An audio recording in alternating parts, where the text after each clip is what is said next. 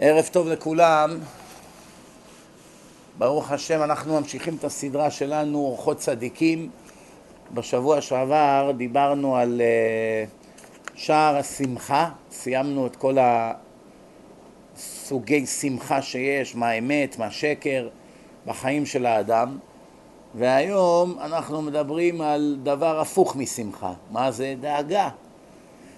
כידוע לכם, העולם מלא בדאגנים. כמעט וקשה מאוד מאוד מאוד מאוד למצוא אדם, בין בזה יהודי, בין בזה גוי, שאין לו דאגות. אני לא יודע אם יש אחד כזה בעולם. יש כל מיני סוגי דאגות. יש דאגות שהן לגיטימיות. למשל, אדם אה, דואג על דברים מסוימים שיש להם היתר מצד התורה, מצד ההלכה. נגיע לזה, זה לקראת הסוף. אבל כמעט כל סוגי הדאגה הם פסולים. הם נגד רצון השם, הם נגד האמת. צריכים להבין, כשיש דבר בחיי האדם שהוא נגד האמת, כדי לתקן את זה, הצעד הראשון זה לאתר מה שורש הבעיה. אם לא מוצאים מה שורש הבעיה, אי אפשר לתקן את הבעיה. אפשר לתת תרופה, לשכך כאבים, להעלים את הסימפטומים, אבל לא מרפאים את המחלה מן השורש, היא תמיד חוזרת. יש הרבה אנשים שמטבעם הם גאוותנים למשל. יום אחד הם חזרו בתשובה ונכנסו לישיבה, שזה דבר מצוין. קשה מאוד לחזור בתשובה אמיתית ללא לימוד בישיבה לפחות של כמה שנים, כן? אז הם עשו את מה שצריך. נגיד שסיימו צבא, חזרו בתשובה, גיל 21, 2, 3, נכנסו לישיבה לבעלי תשובה בארץ ובעולם והתחילו להתחזק. ויש כאלה שהתורה מצאה חן בעיניהם, התקיים בהם הפסוק טעמו ורוב כי טוב השם, וישבו כבר עשר שנים בישיבה, שזה מספיק זמן כדי להפך לאדם שיודע תורה, כן? מי שרציני, הוא לומד רציני, יודע, אפשר להגיע רחוק מאוד. והנה האדם הזה, שכבר למד הרבה מוסר, ולמד גמרא, והלכה, ושולחן ערוך, ורמב"ם, וזוהר, וכל מה שאתם רק רוצים, נראה לכאורה שאין מה להשוות בין מה שהוא היה למה שהוא נהיה.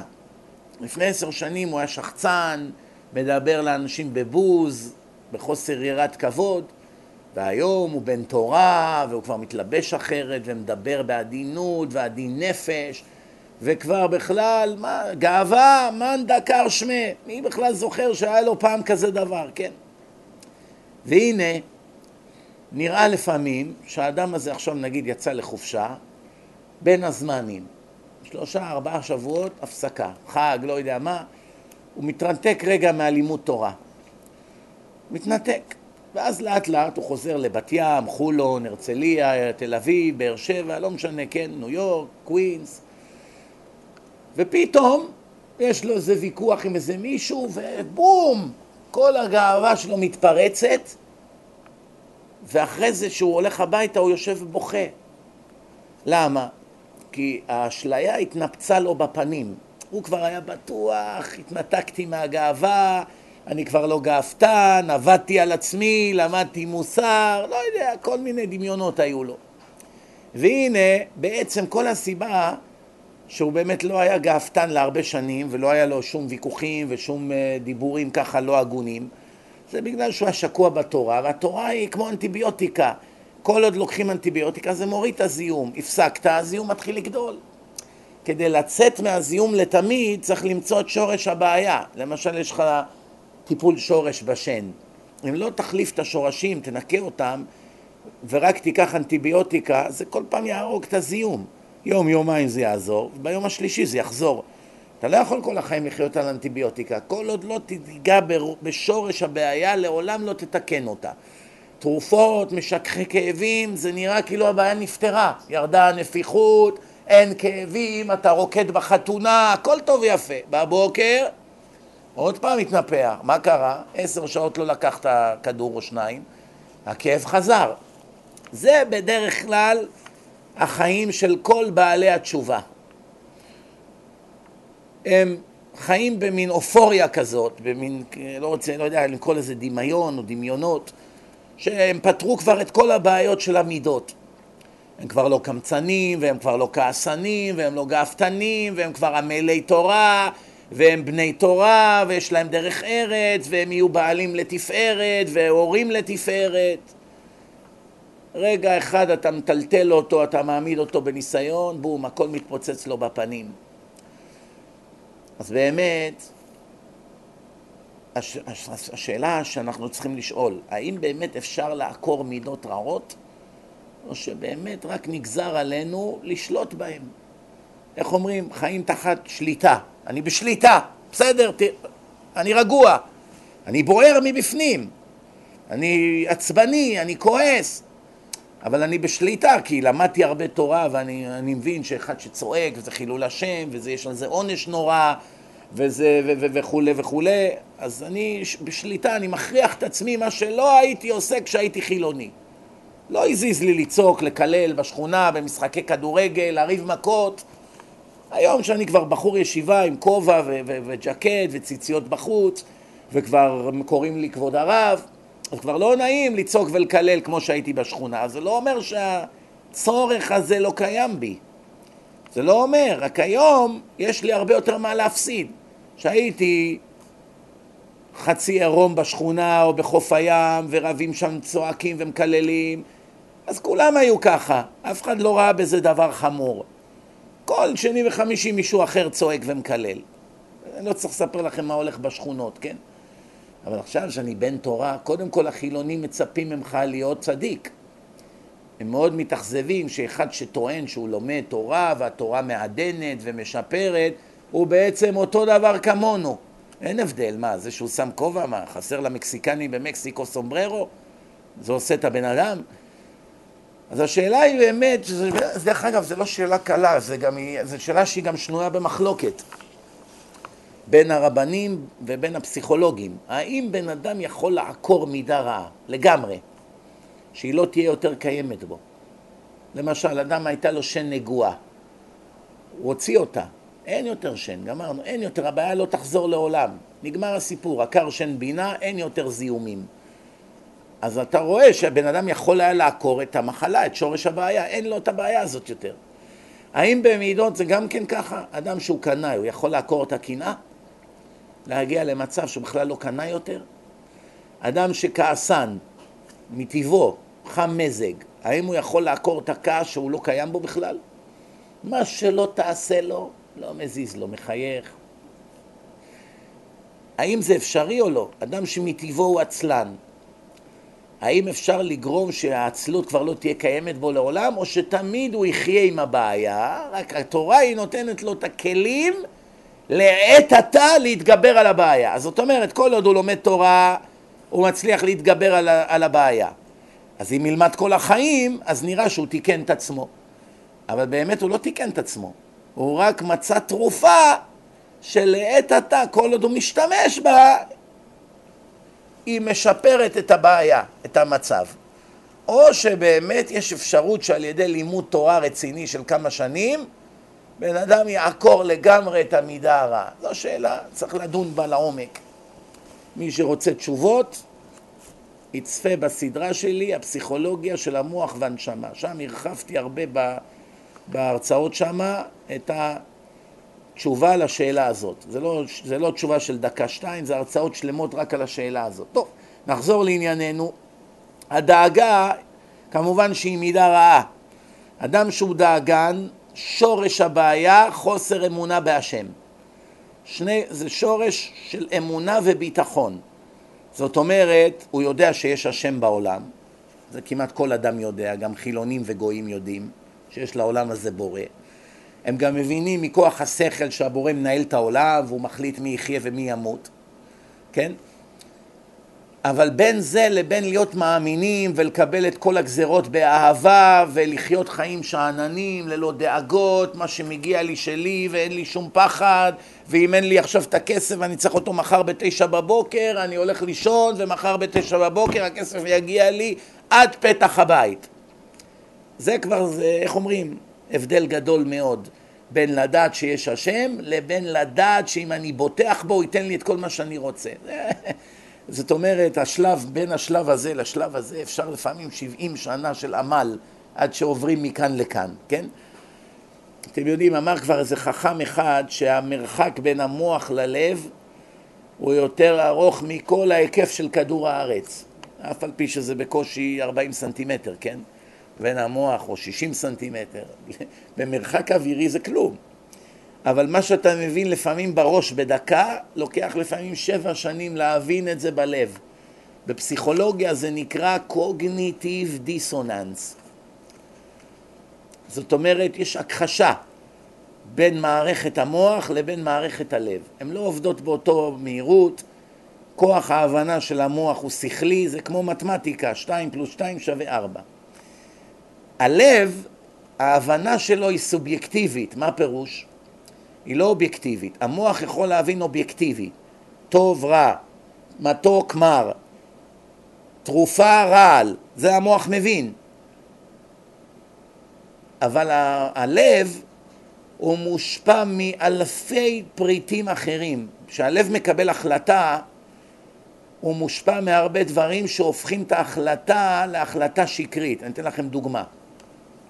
אדם עכשיו רוצה לעשות עבירה מסוימת, יש לו איזו תאווה חומרית. קודם כל הוא החליט שעכשיו הוא רוצה את מה שנקרא כיף, איך אומרים באמריקה? I want have fun. יש לו עכשיו איזו השתוקקות לארוחה מסוימת, והמקום שהוא נמצא בו לא כשר. מיד המנגנונים שלו מתחילים לעבוד איך להכשיר את המקום. מה אתה מדבר? היה פה משגיח, זה משגיח טוב מאוד, אני אמרו לי עליו, הוא צדיק, מה כבר יכול פה להיות לא כשר, זה בכלל לא בשר, מה יש בזה, זה סך הכל קצת קמח ושמרים, זה במילא חומרים שהם בדרך כלל כשרים, וחלב זה תמיד חלב, ומה הבעיה, אין כאן בשר, אז הסכין היא בטוח טובה, מה הסיכוי שחתכו כאן נקניק? הוא מוצא אלף ואחד היתרים. מה הסיבה שהוא נהיה כזה, כזה תלמיד חכם פתאום, והוא מתחיל לפלפל, נהיה הרב משה פיינשטיין פתאום. למה? הוא נחוש בדעתו לאכול עכשיו את הארוחה הזאת.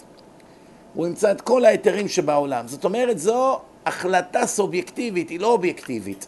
קודם כל הוא החליט שהוא עושה את העבירה מטעמים של תאוות וחולשה, ועכשיו ההחלטות שלו שהן נגועות, זה נקרא בלשון חז"ל נגוע בדבר.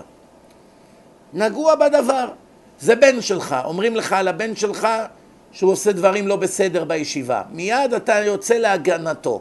אבל אם אומרים לך הבן של האויב שלך עושה בעיות בישיבה, אתה מיד אומר רבותיי למה אתם מחזיקים אותו בישיבה?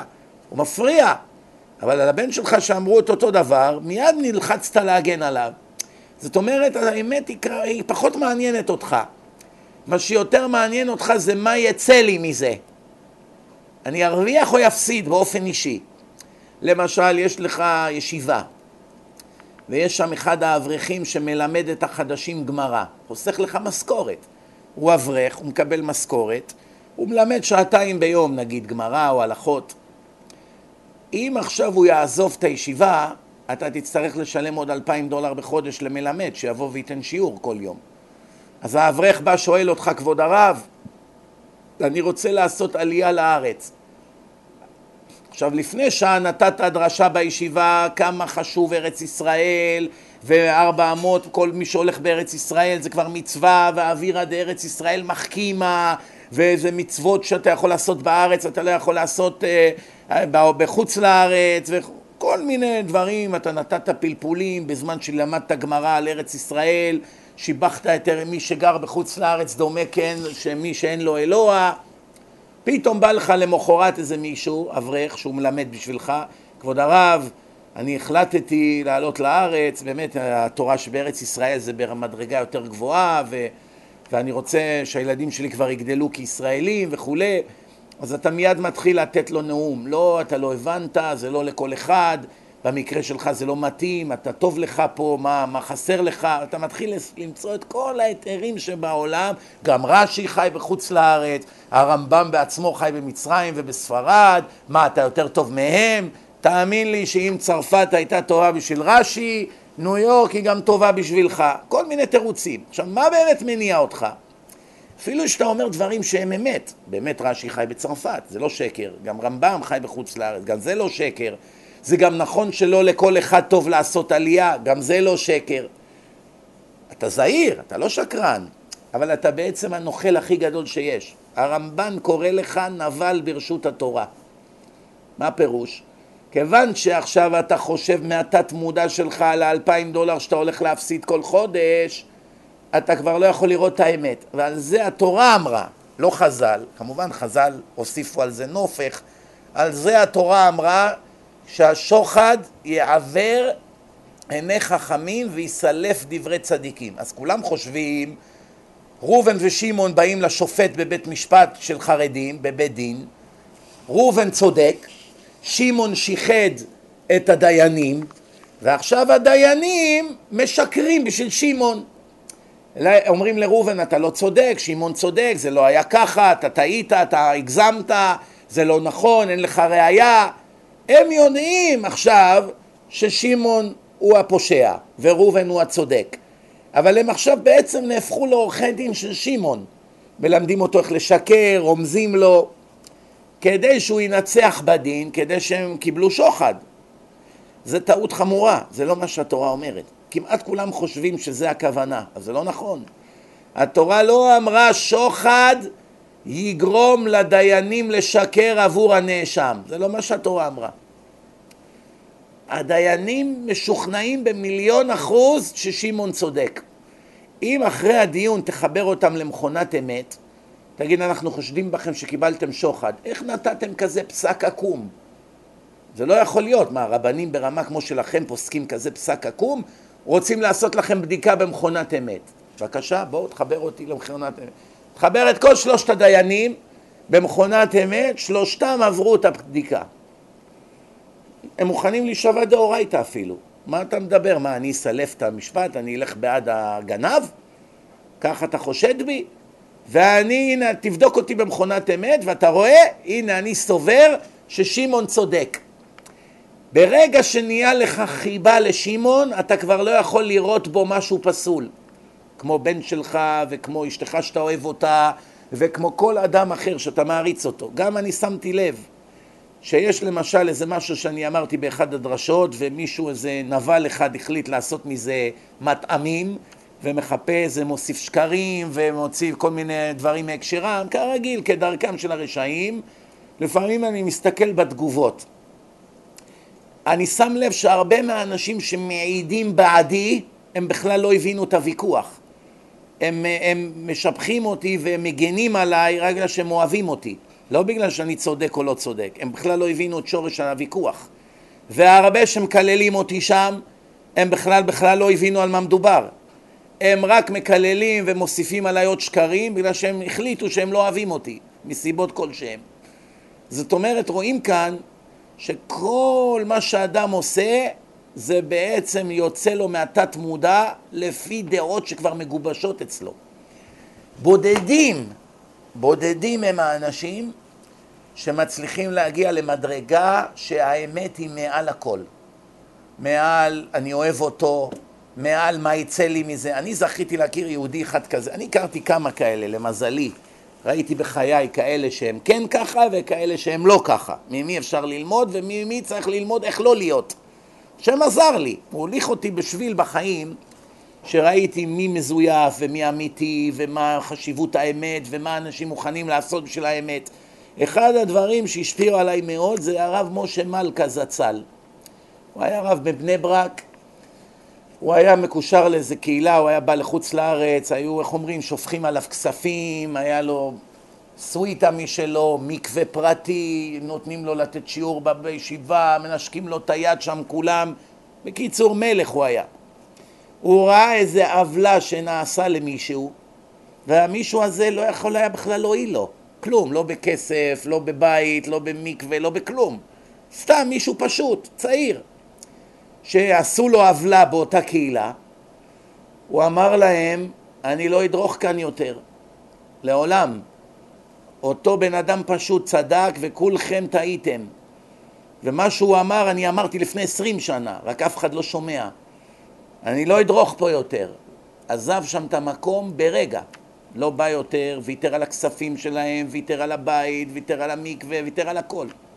מעולם הוא לא דרך שם יותר עד יום פטירתו. מה השם עשה?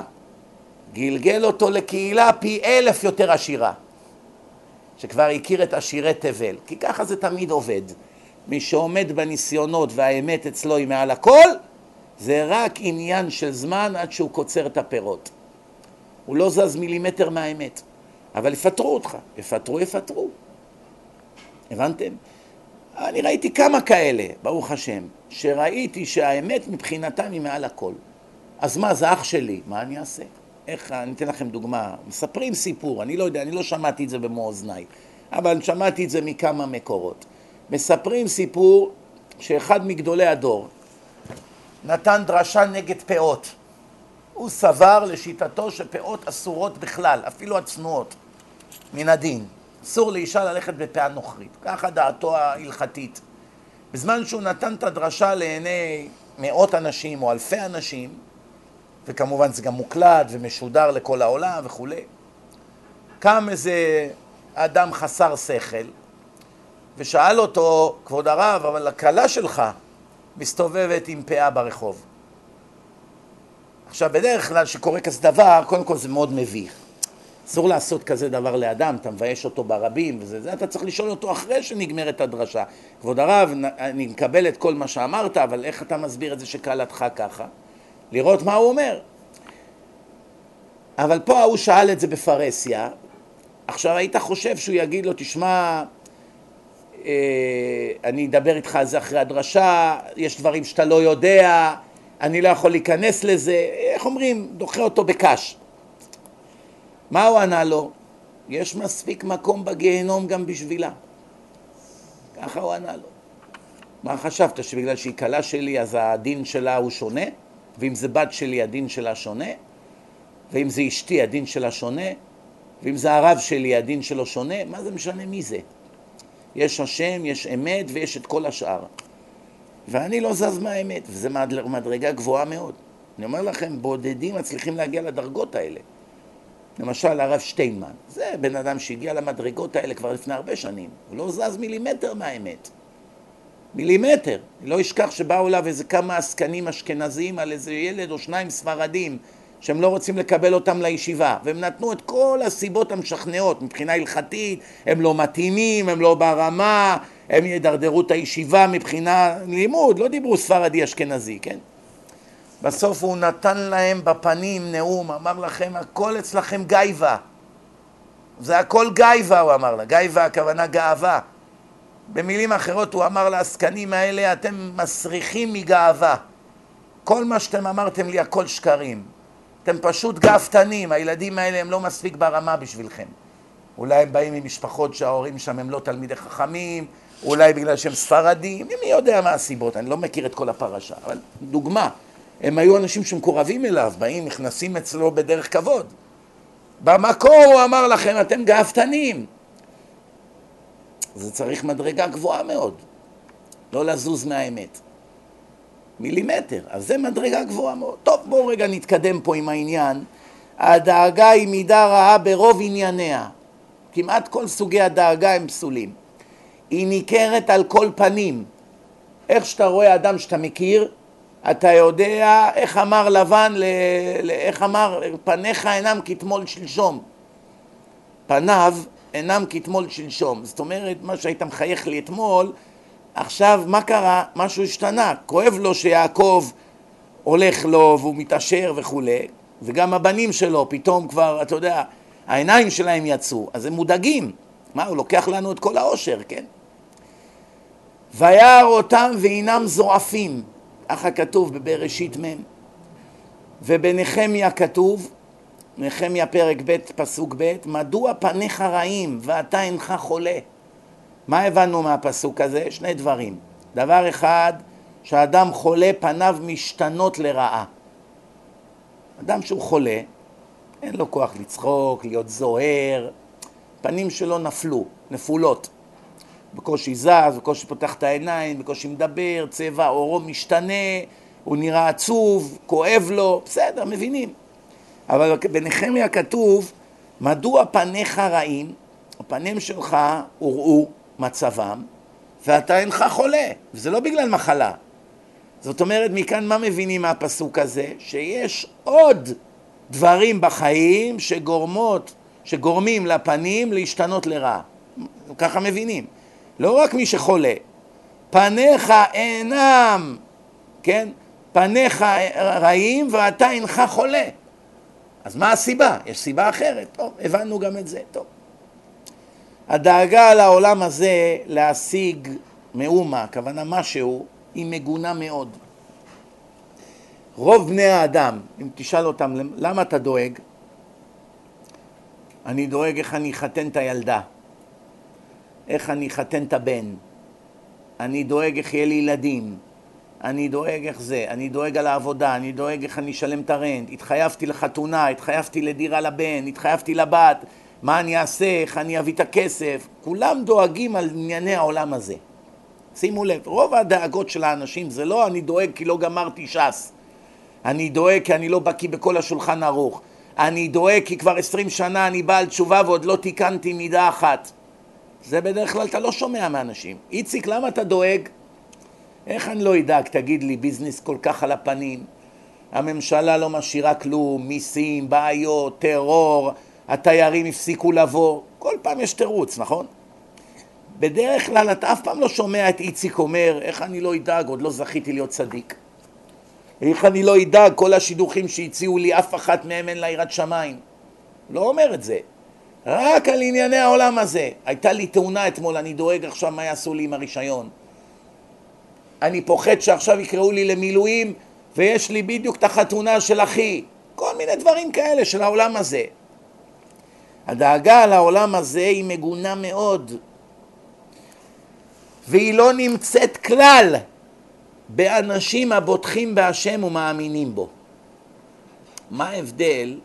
תמיד אומרים ביטחון בהשם ואמונה בהשם. אז כבר דיברנו על זה כמה פעמים בעבר.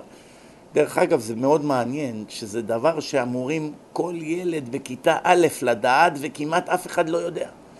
תלכו עכשיו לבני ברק, תעצרו שם, או בירושלים, או במאה שערים, או כל מקום שתרצו, ותשאלו אנשים ברחוב, חרדים, מה ההבדל בין אמונה לביטחון בהשם? ותראו שהרוב, יש הרבה שכן ידעו, בני תורה, תלמידי חכמים ידעו, אבל הרוב העם, רוב העם, אנשים שנולדו דתיים, חמישים שנה שומר שבת, לא יודעים. מה ההבדל? אומרים זה אותו דבר. מילה נרדפת. מה זה ביטחון? אני מאמין בהשם. מה זה אמונה? אני מאמין בהשם. זה לא נכון. אין מילים נרדפות בלשון הקודש. אמונה בהשם זה דבר אחד, ביטחון בהשם זה דבר שני. יש דרך אגב בריליישנשיפ, ביחסים של אדם עם הבורא עולם, יש שלוש קטגוריות. יש ידיעת השם, יש אמונה בהשם ויש ביטחון בהשם. מה ההבדל ביניהם? אז א', השלב הראשון והמהיר ביותר זה ידיעת השם. וידעת היום, התורה רומזת, זה ביום אפשר להשיג, ביום אחד. וידעת היום, לא מחר, לא עוד חודש, לא השנה. אם זה היה קשה, אז התורה הייתה אומרת וידעת השנה. נכון? אבל התורה אומרת וידעת היום, זאת אומרת ביום אחד אפשר להשיג את זה, בשעה. והשבותה אל לבביך השבותה מלשון להשיב, הכוונה שזה יוצא כל הזמן, צריך כל הזמן להחזיר את זה, זה כבר שלב הרבה יותר קשה. כי השם הוא האלוקים בשמיים ממעל ועל הארץ מתחת אין עוד. זאת אומרת, לדעת שיש השם אחד בעולם, זה היום אפשר. יש דרכים, אתה רואה שהתורה לא יכולה הייתה להיכתב על ידי אדם בשר ודם, אתה מבין שלעולם הזה יש בורא, אתה רואה סדר בבריאה, אתה מבין שיש יצרן, יש יצירה, יש יצרן, יש תחכום בעולם, יש מוח מאחורי העולם. יש לעולם תכלית, הכל מסודר, חמצן, מים, אוכל, בעלי חיים, גלקסיות. מבינים שיש לעולם מסדר. זה ידיעה. מה זה ידיעה? לדעת שיש מצוי, כמו שהרמב"ם כותב בפתיחת ספרו, ספר המדע, שיש מצוי אחד שהוא ממציא לכל הנמצאים, שממנו הכל התחיל. שזה הקדוש ברוך הוא. מה היה לפני שהיה עולם וגלקסיות? רק השם היה לבד בעולמו. מה יהיה אחרי שיחרב כל עולם החומר? רק השם בעולמו. השם היה לפני, השם יהיה אחרי. השם היה מתחת, השם היה מעל. תמיד היה רק אחד השם ותמיד יהיה רק אחד השם. שומעים? זה ידיעה. מה זה אמונה בהשם? מה זה אמונה? זה נכון באופן כללי, אבל תפרט קצת יותר לעומק. אז אני אעזור לך. זה באמת נכון, איפה שהידיעה נגמרת וההיגיון, אז מתחילה האמונה. כי לפעמים האמונה היא כנגד ההיגיון. למשל, בתורה כתוב, ואחד משלושה עשר עיקרים של היהדות זה שהקדוש ברוך הוא מעניש לרשעים ומשלם שכר טוב לצדיקים. ובתנ"ך כתוב כמה פעמים שיש לצדיקים חיי נצח, להטיבך באחריתך, להטיב לך ולבניך עד עולם, ובתהילים בתנ"ך כתוב כמה פעמים על השכר אשר צפנת ליראיך, יש כל מיני פסוקים שמעידים שיש חיי נצח לנשמה של הצדיקים. כתוב את זה בספרים, בזוהר, ברמב"ם, בשולחן ערוך, בהרבה מקומות. מאידך כתוב שמי שרשע ישלם מחיר כבד מאוד, אם זה בגיהנום, אם זה בכף הקלע, כתוב מפורש, ואת נפש, נפש זה לא גוף, ואת נפש הרשע יקלענה בכף הקלע. שומעים? זאת אומרת, יש מקום, וגם יש קטע בתנ"ך, ששמואל הנביא אחרי שנפטר, שאול המלך הלך לאיזו אישה אחת, והיא העלתה את נשמתו, החזירה אותו לעולם הזה, העלתה אותו בעוב. ושמואל אמר לו, למה הרגזתני להעלותני? הוא פחד שפתחו לו את הדין מחדש, פתאום הוא מוצא את עצמו בעולם החומר, מחדש. שומעים ורואים שהנפטרים הם נמצאים באיזשהו מקום, הם לא חדלו מן העולם. עובדה שאחד מתרי"ג מצוות, מ-613 מצוות, שלוש מהם זה איסור חמור לא לתקשר עם המתים. כתוב בתורה, לא תדרוש אל המתים, לא יהיה בך שואל אוב וידעוני ודורש אל המתים. זה שלוש איסורים שונים. לא יהיה בך, כן, שואל אוב וידעוני, זה שתיים, ודורש אל המתים שלוש. הרמב"ם מסביר מה כל אחד ואחד מהם ואיך מגיעים לזה. ואיך אפשר לקרוא למתים ולדבר איתם, ויש כל מיני בדואים שעושים את זה, ויש כל מיני יהודים שעושים את זה, אף על פי שזה איסור חמור. זאת אומרת, המתים נמצאים באיזשהו מקום. אפילו שהגוף כבר מזמן נאכל על ידי התולעים בקבר, לפני שנים רבות, עדיין המתים באים בחלומות, ועדיין קוראים לנשמה שלהם, והם נותנים אינפורמציה. זאת אומרת, רואים שהנפטרים נמצאים או במקום טוב או במקום רע. לכן ביהדות לא אומרים מת. אומרים נפטר, ועל הקברים מה כתוב? ת' נ' צדיק ב' ה' על הקברים, ת' נקודה, נ' נקודה, כן? למה זה ככה? תהא נשמתו צרורה בצרור החיים. איזה חיים? הוא מת כבר.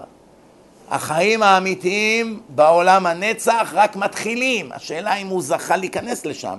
אז אנחנו מברכים את הנפטר שנשמתו תיכנס למקום שאנחנו קוראים לו צרור החיים, שזה חיי הנצח. דרך אגב, מי שפיקח, הוא יכול לעיין בתורה ולראות שכל מקום שהתורה מדברת על חיים, מדובר על חיי הנשמה, לא חיי הגוף. כשהקדוש ברוך הוא רוצה לדבר על הגוף, הוא כותב על בשרו. בשר, בשרו. כשהוא מדבר על האדם, על חיי האדם, הוא אף פעם לא אומר בשרו.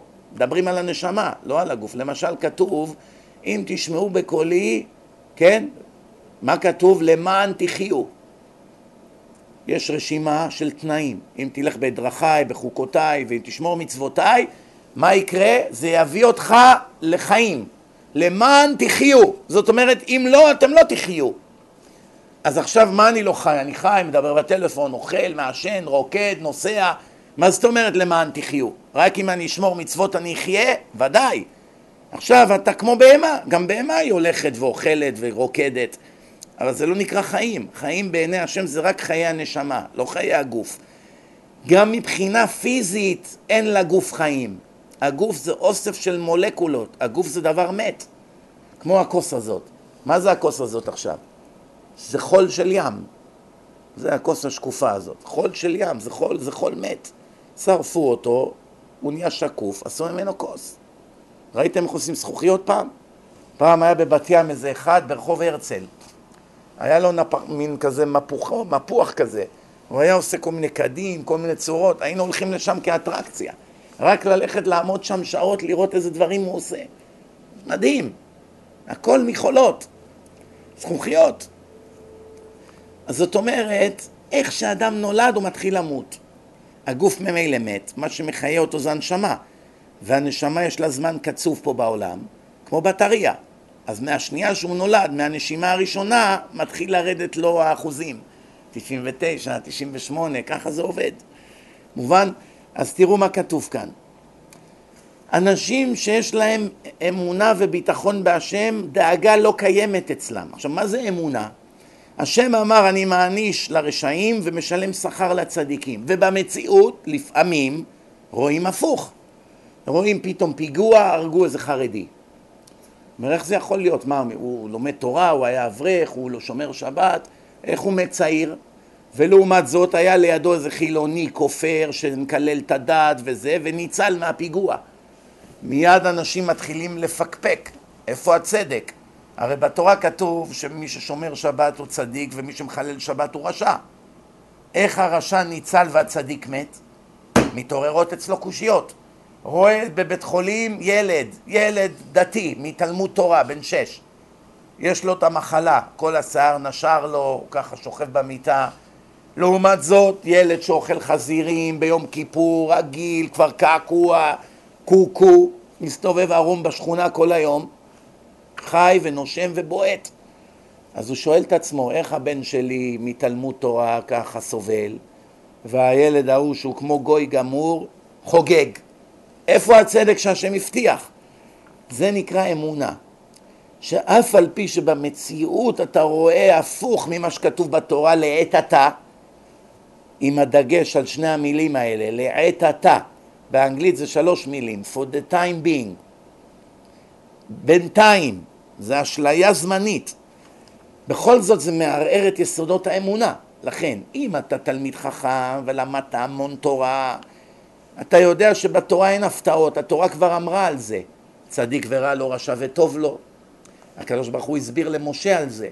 אתה רואה שכתוב בסוף פרשת ואתחנן שהקדוש ברוך הוא משלם לרשעים בעולם הזה את שכרם על הכמה מצוות שהם שמרו כדי להעביד אותם מחיי הנצח. ולעומת זאת הצדיקים, הקדוש ברוך הוא שומר להם את השכר לעולם הנצח. אז מה טוב, לקבל את השכר מיד אבל קצת, או להמתין קצת ולקבל שכר נצחי אינסופי? ודאי, רק אנשים לא מבינים. וגם כשאתה רואה ילד סובל, אפילו שהוא צדיק ולא חטא עדיין, מי שמבין מה זה גלגולים, אין לו קושיות. עכשיו הוא צדיק, מה הוא היה לפני עשרים שנה? יכול להיות שהוא גלגול של אדם רשע גדול. הוא התגלגל לעולם עשר שנים, הוא סובל מאוד והוא נפטר, זהו. זה התיקון שלו, זה במקום גיהנום. איך אומרים בארץ? יצא בזיל הזול. עשר שנים עד גיל עשר, מגיל ארבע עד גיל עשר הוא סבל, נפטר והתנקה מכל העבירות של כל הגלגולים ונכנס למדרגה שלו בגן עדן. מי שלא מבין גלגולים, מיד יש לו קושיות על השם. אין צדק, עזוב אותי מהדת, בוא נגנוב כמה שרק אפשר, נדבר מה שנרצה, נעשה מה, תן, אכול ושתו כי מחר נמות. ואז הוא מדרדר מבחינה רוחנית, למה? יש לו קושיות. זה קרה לאנשים גדולים, זה לא קורה רק לאנשים פשוטים. יוחנן כהן גדול, 80 שנה היה כהן גדול, ובסוף כפר. אלישע בן אבויה, יש דוגמאות בגמרא. הוא ראה, כתוב בתורה שמי שמשלח יונה מהקן ולוקח את הגוזלים וכולי, בזכות זה יחיה חיים ארוכים.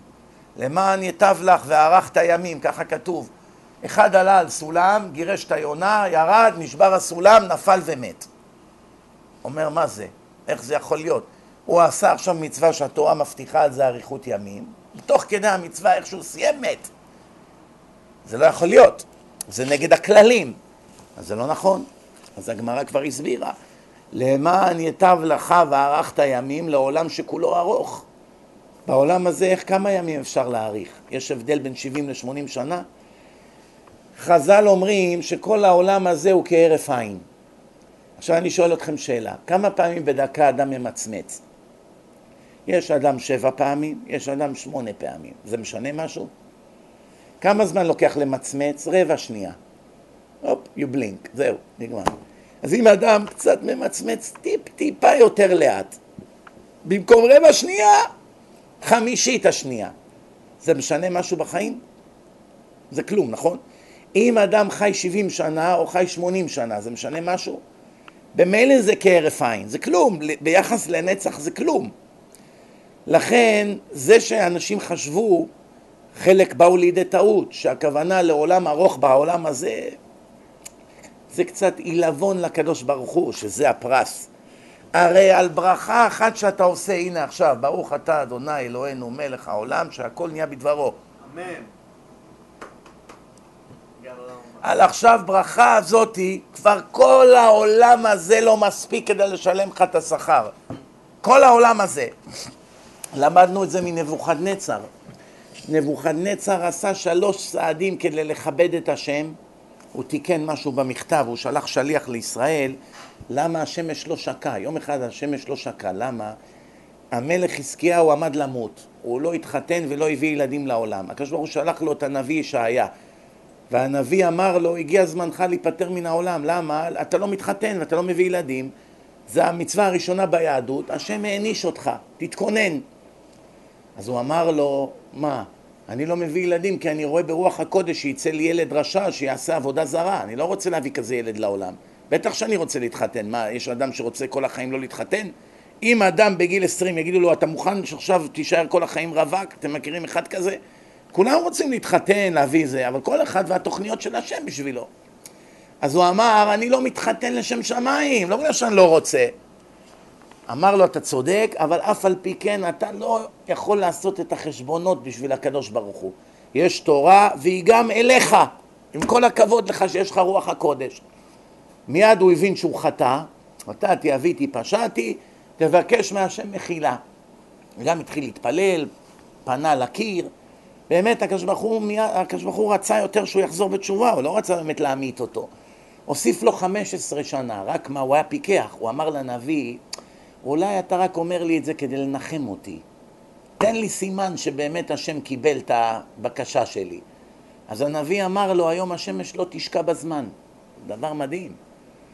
איזה מין נביא יכול לעשות כזה דבר? הנביא ישעיה זה היה לפני 2,600 שנה. הוא אומר לו היום, נגיד, השמש צריכה לשקוע בש, בשמונה בערב, בעשר בלילה תראה עוד אור. ככה הוא אמר לו. ובאמת, הוא אמר לו, תן לי את הבת שלך לאישה. והוא התחתן עם הבת של הנביא, ונולד לו בן רשע מנשה, שמלך איזה שישים שנה, והעמיד עבודה זרה בכל הארץ. פתח דיסקוטקים, פתח ברים בתל אביב. מה לא עשה? חופים מעורבים, מחטיא רבים גדול הוא היה. שומעים? וכשהוא החליט לחזור בתשובה לסוף ימיו, גם השם עשה לו נס, הציל אותו מהגויים, באמת בסוף הוא חזר בתשובה, ואבא שלו לא ראה את זה, שבסוף הוא בסוף יעשה תשובה. אבא שלו לא רצה להתחתן, למה? כדי לא להביא רשע לעולם, ואף על פי כן הוא כמעט שילם על זה בחייו. בסופו של דבר, נבוכדנצר בעיראק רואה פתאום השמש לא שוקעת. אמר זה בטוח משהו עם היהודים. זה כבר הסבא שלהם, יהושע בן נון, כבר פעם אחת העמיד את השמש שלושה ימים בזמן המלחמה. בואו נשלח שליח לישראל, נראה מה הולך שם. הוא כתב מכתב לאנשי העיר ירושלים ולאנשי המדינה ולמלך חזקיהו ולאלוה שלהם. הוא שם אותו בסוף. אז כבר השליח ישב על הסוס, עמד לצאת לדרך, פתאום הוא קם מהכיסא, אמר לו, רגע, רגע, טעיתי, הלך שלוש צעדים, לקח את המכתב, תיקן. שם את הקדוש ברוך הוא בהתחלה לכבוד אלוהי העברים והמלך חזקיהו, בקיצור, הוא עשה כבוד לבורא עולם. כתוב שעל זה הקדוש ברוך הוא שילם לו ארבעים וחמש שנה הוא שלט בעולם, הוא הבן שלו והנכד שלו. שלטו בעולם ביחד 45 שנה, דבר מדהים. 45 שנה הוא מלך בעולם, כל העולם שילמו לו מס, כל האימפריה של בבל. על שלושה צעדים שכיבד את השם, והוא היה יותר רשע מהיטלר. מי שקצת יודע היסטוריה, הוא שחט מיליונים. ילדים, זה, בלי סוף אנשים הוא שחט. אז אני שואל שאלה, אם נבוכדנצר, שסך הכל עשה שלוש צעדים לכבד את השם, שלט בכל העולם 45 שנה. יהודי הולך לבית הכנסת בחום, מיאמי, ניו יורק, בקיץ, בני ברק, חום, אימים, לחות, הולך חצי שעה ברגל לכבד את השם, להתפלל שלוש שעות. כל שלוש צעדים זה כבר 45 שנה שלטון בכל העולם. תכפיל במיליון יהודים שעושים את זה כל שבת, צריכים מיליארד עולמות רק על תפילה אחת. תכפיל את זה בשבעים שנה, מאות של מאות של מאות של מאות של מיליארדים של עולמות לכל בן אדם ובן אדם. אי אפשר לשלם לאדם את שכרו בעולם הזה גם אם השם רוצה. אז איך הוא טעה לחשוב שאם עשית מצווה כזאת חשובה, או נגיד כבד את אביך ואת אמך למען יאריכון ימיך, שלושים, ארבעים שנה של איסורים יום יום, אבא שלך נרגן, עצבני, כל הזמן מתלונן, ואתה צריך לכבד אותו ואסור לך להתחצף אליו, אתה צריך כן אבא, כן אבא, קרא לך את הבגד, בייש אותך, אתה אסור לך לענות. מי יכול לעמוד בזה? אחרי שלושים, ארבעים שנה של איסורים יום יום ועוגמת נפש, מה חשבת, שיוסיפו לך עוד חמש שנים לחיים? הרי זה עילבון לאינטליגנציה. בכל זאת, ראינו שחכם גדול טעה ואיבד את העולם הבא שלו בגלל כזאת טעות. אבל מה אתם רואים מכאן? שבעיות באמונה זה לא רק אצל אנשים פשוטים, זה יכול לקרות לרבנים גדולים. קצת הם קוראים כפירה באינטרנט, בום, הם נופלים, מתמוטטים. ראיתי במו עיניי שזה קורה. ומה זה השלב השלישי? ביטחון בהשם. אמונה, אני יודע מה שכתוב בתורה זה ודאי יקרה. מתי זה כבר תלוי בהשם, אין לי בזה שום ספקות. גם שנראה, איך משה אמר להשם? מאז ששלחת אותי לפרעה, המצב הוא רע. הוא שילם על זה ביוקר. אבל הוא צדק, באמת המצב הוא רע. פרעה היה נותן להם לבנים, עכשיו נתן להם קש, תכינו בעצמכם לבנים. אז מה משה שיקר? עד עכשיו העבודה הייתה יותר קלה, עכשיו נהיה יותר גרוע. אז על מה השם כעס עליו? אומר לו, אני שולח אותך לפרעה ואני אומר לך שאני אגאל את עם ישראל. ועכשיו בינתיים נראה לך שהמצב יידרדר ואתה לא בוטח בי? כמן, משה רבנו, בושה, איך אתה לא בוטח בי? מה? מה, אני שקרן? מה, אני חבר כנסת? אני חבר בקונגרס? מה, אני עיתונאי? מה אני? איך אתה לא בוטח בי? משה יכול להגיד, ריבונו של עולם, מצטער, נתת לי חמישה חושים, ובחושים, בעיניים שלי אני רואה הפוך. זאת אומרת, התביעה מהאדם, לא מעניין אותי החושים שלך בכלל. גם לא מעניין אותי מה אתה רואה, ולא מעניין אותי מה שמעת, ולא מעניין אותי מה אתה חושב, ומה, מיליון אחוז. בתורה כתוב שככה יהיה, אז למה אתה מטיל ספק בי? זה מדרגה גדולה, מה אתם חושבים? אנשים, לא מעניין אותי, ככה כתוב, ככה יהיה. מתי? זה כבר לא בעיה שלי. אני לא זז מהאמת. מה שכתוב זה מה שיהיה. זה, זה מדרגה גבוהה מאוד. זה נקרא אמונה. ומה זה ביטחון בהשם? מה זה ביטחון? שכל מה שאני צריך לתיקון שלי בעולם, השם יזמן לי. השם מחויב אליי, הוא הביא לי, הוא שם אותי בעולם, יש לי ניסיון, יש לי בחינה פה, אני בבחינה, אני במבחן. אני צריך אוכל, השם ידאג לי, אני צריך בגדים, השם ידאג לי, מקום לגור, השם ידאג לי, ואם לא דאג לי, סימן שזה חלק מהתיקון. ואם אני צריך להתחתן, זה סימן שזה התיקון שלי. ואם אני לא אתחתן, בכלל אין בעיה. מה זאת אומרת? אני, אני לא באתי לפה ליהנות. העולם הזה זה לא פיקניק. אני באתי לפה לתקן את הנשמה שלי, ואם השם החליט שזה התיקון בשבילי, זה התיקון. ואם הוא החליט שאני אחיה בגלות, ואם הוא החליט שאני אחיה עד גיל כזה, ואם הוא החליט שאני אהיה חולה, ואם הוא החליט שיהיה לי ילד בעייתי, ואם הוא החליט שאני אשב כל חיי בכלא, מה שהשם החליט זה ודאי לטובתי. מובן? זה נקרא ביטחון. ויש עוד עניין בביטחון, שאדם לא דואג על העתיד. אתה צריך לחתן ילדים ואין לך כסף. מאיפה תביא כסף? שבעה ילדים לחתן אותם. זה לא בעיה שלי. אני זורק הכל על השם. התחתנו, התחתנו, לא התחתנו, בעיה שלו, לא שלי. הוא נותן חיים, הוא נותן כסף, הוא נותן בריאות, הוא מזווק זיווגים. אני סך הכל דבר, מביא מכתבים. אף אחד לא מתייעץ איתי מה יש בתוך המכתב. אני מעביר מפה לפה. אני בייביסיטר של הילדים האלה. צריך לחתל אותם, צריך להאכיל אותם, צריך להשכיב אותם לישון, ללמד אותם תורה, לשים אותם בישיבה. זה מה שאני צריך. זה לא תפקידי לזווג להם זיווגים. אני עושה קצת השתדלות. בא לשדכן הזה, בא לשדכנית, משתדל, מנסה, זהו. מה אני יכול לעשות? אם לא יתחתנו, טוב מאוד. זה מדרגות, רבותיי. זה קל לדבר. אדם נאכל מבפנים. רואה הבת שלו 27, 28, 29, 30, 33. כל שנה שעוברת הכאב גדל. הוא רואה אותה ככה, וגם הרבה מהבנות האלה מדרדרות בדת. מרוב תסכול וייאוש, מתחילות ללכת לסרטים, קצת לפרוק עול בצניעות. אני כבר לא רוצה להוסיף עוד דברים, אבל לפעמים גם יותר גרוע מזה. והאבא, איך אומרים, נאכל תרתי משמע. גם בגלל זה שהיא לא מתחתנת וגם שהיא גם מדרדרת ולפעמים היא גם עצם בגרון בסלון של הבית.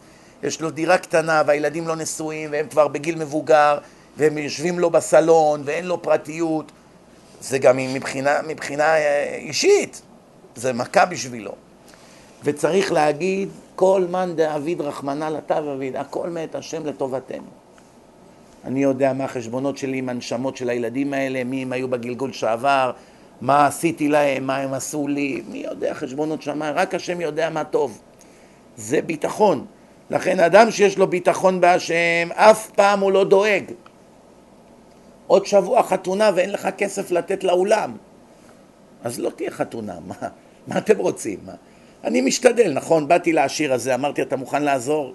יש פה בת לחתן, אנחנו משפחה ענייה. או שכן או שלא, אמר לו, השתדלתי מההוא, השתדלתי מה שיכולתי, זה לא תלוי בי, ישועת השם כהרף עין, יביא ישועה טוב מאוד, לא יביא, הצד של החתן יבטלו את החתונה, יבטלו, סימן שהיא לא צריכה להתחתן עם אחד כזה, שהכסף זה מעל הכל, זהו. זאת אומרת, כל מה שקורה, אתה צריך להסתכל על זה בעיניים חיוביות, השם יודע מה הוא עושה. אתה לעולם לא יכול לדעת. למשל, היום היה לי מקרה מאוד מעניין. בסביבות שעה ארבע וחצי, ארבע, אשתי רצה אליי בבהלה, בוא מהר, בוא מהר. מה? בוא מהר לדלת. חשבתי לעצמי, מי, מה כבר יכול להיות? משטרה, אני יודע מה, מי? מה יכול להיות בדלת שהאישה ככה מבוהלת? אני מהר רץ לדלת, אני אומר לה, מה, בדרך אני שואל אותה, מה זה? אומרת, יש כאן איזה ערבי אחד עם תיק עליו, מאוד מפחיד, הוא מחפש אותך, שלא יהיה לו פצצה בתיק. עכשיו אני מהר, תוך כדי שאני מגיע לדלת, יש לי עשר שניות לחשוב. לא בדיוק עכשיו יש לי זמן לשבת ולעשות חשבונות. עשר שניות, מאיפה שהייתי עד לדלת. אני חושב לעצמי, בוא רגע נחשוב עכשיו. אם הוא באמת בא עכשיו לעשות פיגוע, נכון? אז מה עדיף, שאני אכניס אותו לתוך הבית, שהוא יעשה את הפיגוע בתוך הבית? עדיף שאני אצא החוצה, שיעשה את הפיגוע בחוץ, בדשא, אני כבר חושב על זה. מצד שני, אני אעשה חשבון, אני לא מוכן עכשיו, אני צריך לעשות תשובה, וידוי, אז אני תוך כדי, הכל רץ לי בראש במהירות. אבל אני אומר, עכשיו זה פיקוח נפש, אין זמן. קודם כל בואו נוציא אותו, נרחיק אותו מהדלת. עכשיו, אני יצאתי החוצה, אני לא, אני מודה, שקשקתי. ממש הגוף שלי הרגשתי כל, עוד שנייה, כל שנייה היה פיצוץ פה. אני רואה אדם שחום, מאיפה הוא בא? מדובאי. מדובאי הוא בא עד אליי. עכשיו, איך שיצאתי, הוא אומר לי, רביי, כן. אני אומר לכם, אני החסרתי כמה פעימות. אמרתי, יואו, אני כבר עברו לי כל מה שאני קראתי בחדשות, שהם מתפוצצים עם מסמרים, תכף הוא יתפוצץ לי, או שפתאום עכשיו הוא... ית... קודם כל הוא חיבק אותי, בכלל השתג, השתגעתי עכשיו. אבל אני, מה אני אעשה? בן אדם בא ללחוץ לי יד או לחבק אותי, אני לא מסוגל לדחוף אותו. ואיך אומרים, מהבושה אני אמות. אז אני מחבק אותו ככה, וכבר עושה שמע ישראל, תכף הפיצוץ מגיע. פתאום אני רואה, יורדים לו דמעות, והידיים שלו רועדות, רעידות נוראיות. אמרתי, הוא בטוח, הוא תכף מושך את החוט. זה פחד, לא? גם למתאבד זה פחד. הוא רואה את כולו. ואני רואה, יורדים לו דמעות, אני אומר לו, can I help you? אני יכול לעזור לך? הוא אומר לי, אני שלחתי לך פעם אימייל ולא ענית לי. אז באתי עד אליך, שתעזור לי להתגייר. כמעט התחלתי לרקוד משמחה, איך אומרים, יצאתי בזול. אמרתי, תכף נברר אם זה תימוני, לא תימוני. זה כבר פחות בעיה, נראה אם הוא צריך אשפוז, לא. כמה אנשים באים מדובאי עד למונסי. פתאום אני רואה ברחוב מונית, מונית צהובה. נהג, איזה נהג, מחכה שם ליד ההרמונית. מסתובב ככה מסביב למונית. אני אומר לו, מה, באת עם טקסי? מאיפה? מקווינס? 150 דולר שילם מונית. עד אליי. אני לא יכול לחיות יותר בלי להיות יהודי. אני חי עם כל המוסלמים וכל השקר שלהם שם. ואני שומע את הדרשות שלך כבר כמה שנים ואני כבר יודע שהכל אמת. איך אני יכול לחיות וגם המשפחה שלי נוצרית. אז הוא לא מוסלמי. הוא היה נראה ערבי, אבל הוא בסוף נוצרי. נו, אז הם עובדי אלילים וזה. תעזור לי, אני מתחנן אליך. אמרתי לו, תשמע, להתגייר זה לא הוקוס פוקוס.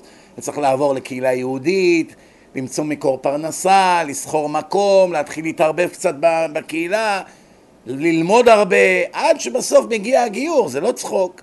מה סתם עכשיו אני אעזור לך להתגייר? איפה תגור? איפה תהיה? בואו בוא נלך שלב שלב. בקיצור, הבן אדם חזר במונית. היום הוא כבר בא לשיעור פה, עכשיו הוא היה בשיעור. למה איחרתי, אתם יודעים? החזיק אותי עוד חצי שעה אחרי השיעור, בתחנונים ובבכיות. ובסוף השם עזר, סידרתי לו טרמפ, מסכן, כבר לא היה נעים לי ממנו, משלם מוניות. זה לא איזה, איזה עשיר, בחור צעיר. אז סידרתי שאיזה מישהו ייקח אותו, הוא ישן אצל איזה חבר, לא יודע, מישהו שהוא הכיר דרך המחשב. בקיצור, רבותיי, מחר הוא כבר יבוא לשיעור בברוקלין. מי שרוצה לבוא לראות אותו, תבואו תראו אותו מחר בשיעור. זה מחייב אותנו בשמיים. זה פחד מוות. אני אומר לכם, כל היום אני חושב על זה, מאז שהוא הלך. אמרתי לעצמי, אני הייתי מוכן לנסוע מכאן במטוס, לשלם אלפיים דולר כרטיס למדינה אחרת, להתחנן שיגיירו אותי, אם הייתי גוי, לא בכלל לא בטוח. אתם הייתם עושים את זה? על המזל! אולי בכלל אני לא גר שם, אולי זה סתם תיבת דואר, מה? זה שיש לך כתובת לשלוח תרומות, זה לא אומר שאתה גר שם, כן? בן אדם בא מקצה השני של העולם עד לפה, הוא יכל היה להגיע עד לפה ובסוף אני בכלל לא שם.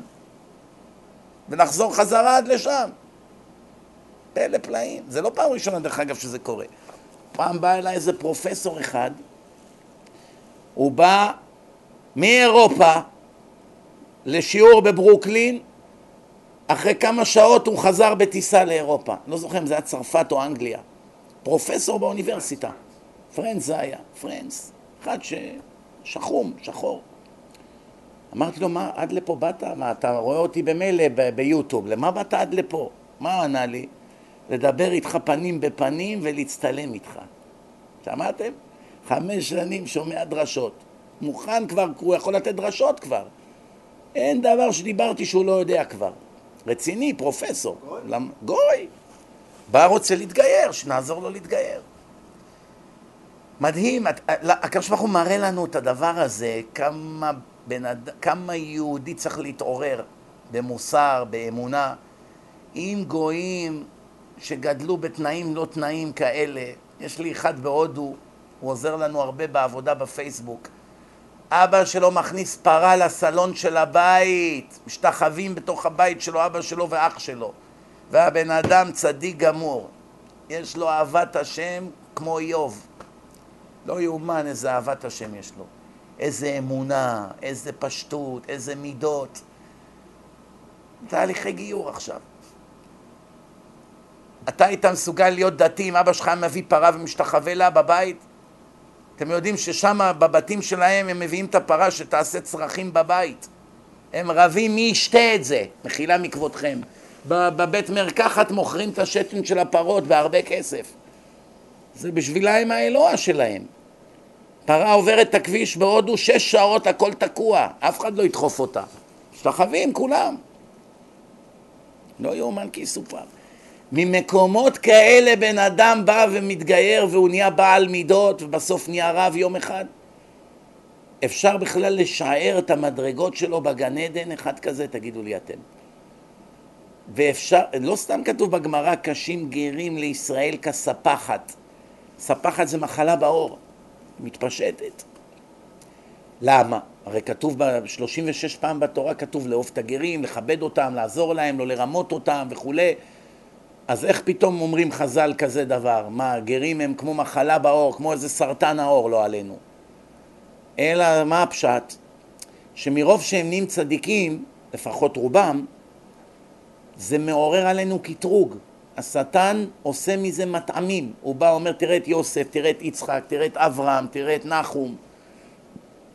הם גדלו בבתים חרדיים, הם למדו בישיבות הכי טובות, והם לא עשרה אחוז מהגוי הזה. תראה איזה אמונה וכמה הוא סובל, והוא עזב את המשפחה שלו ואת העבודה שלו ואת הפרנסה שלו ובא למדינה זרה ולומד את השפה מאלף בית וכולם מתנכרים אליו והוא קם לתפילות וכל יום ולומד עד שנהיה מה שנהיה. וזה הכל הגישו לו על מגש ובחיים הוא לא שמח. הרי כתוב תחת אשר לא עבדת את השם אלוקיך בשמחה ובטוב לבב זאת אומרת הטענה נגד היהודי הוא לא שלא שמרת מצוות שמרת אבל עם פנים תשעה באב אין על זה מחילה תחת אשר לא, אהבת, לא עבדת את השם אלוקיך בשמחה היית צריך לרוץ ברחובות, כמו המשוגעים האלה שהקבוצה שלהם הכניסה איזה גול והם קופצים למזרקות בתל אביב, ככה עם דגלים וחצוצרות, מה אתה שמח? מה הרווחת? כלום. החשבון שלך התמלא במשהו? כלום.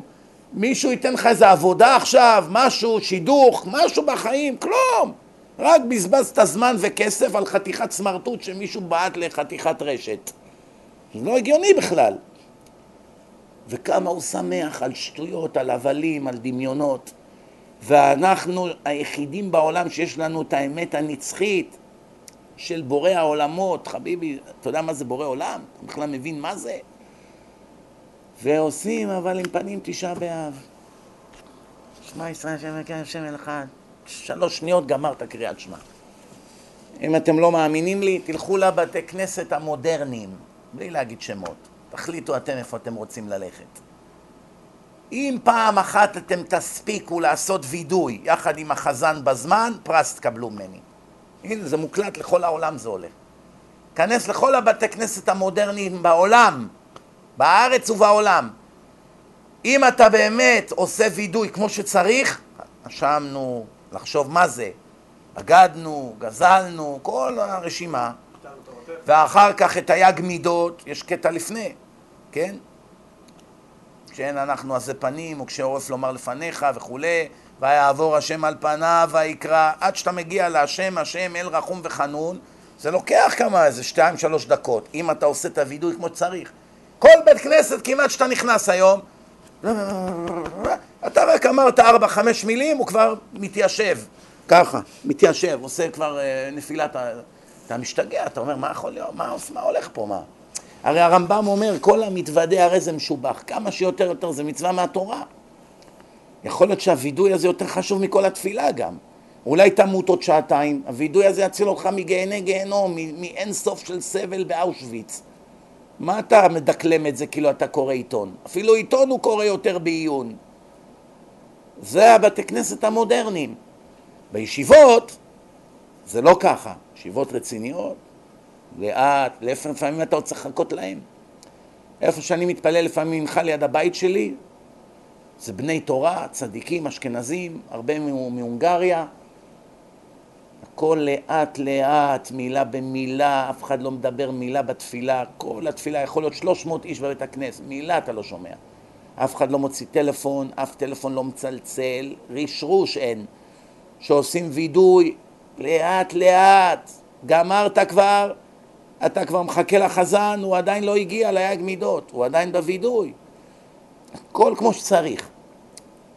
יפה, ברוך השם, זה מציל את כולנו דרך אגב, שיש כמה בתי כנסת כאלה בעולם וישיבות, בכל זאת זה חותם את פה השטן. לא כולם ככה, אתה רואה? אלה שהם בני תורה הם לא ככה. אבל במקומות המודרניים, הכל חפיף. אתם מכירים איך זה בארץ? חפיף, יאללה, יאללה, תעביר. לפעמים יש לך עוזרת בית.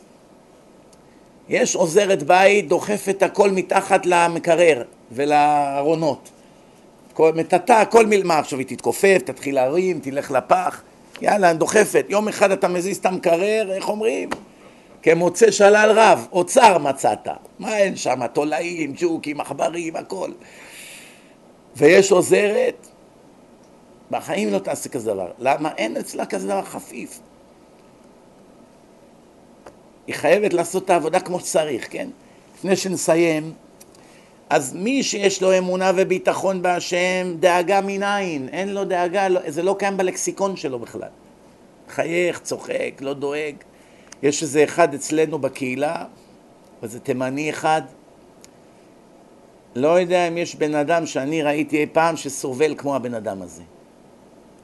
לא יאומן כי סופר כמות האיסורים שלו. ישן במשאית, בשיא הקור, בשלגים, אין לו מקום לגור, בעיות, גירושין, בן, בן עם בעיות, מה לא? כל פעם שאתה נתקל בו, הוא קורן מאושר. מתבדח, צוחק, מחייך מפה לפה.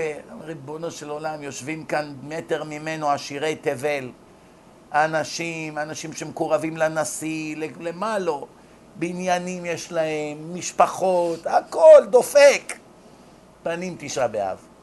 וזה האומלל הזה, חובות, נרדף, יושן במשאית, מה לא? כל היום קורן מאושר. לעולם לא תראה אותו לא במצב של חיוך. על זה מדובר פה, רבותיי. כל דבר, השתבח שמו, השתבח שמו, אין שום בעיה. הדואג על העולם הזה הוא רחוק מאוד מן התורה והמצווה והתפילה.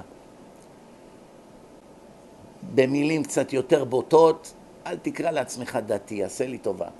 אם אתה דאגן, מה יהיה, מה יהיה, איך אני אתחתן, איך אני אתחתן, איך אני זה, איך אני פה, איך אני... עזוב, אל תקרא לעצמך דתי. אתה מסורתי, שומר מצוות, רובוט שומר מצוות.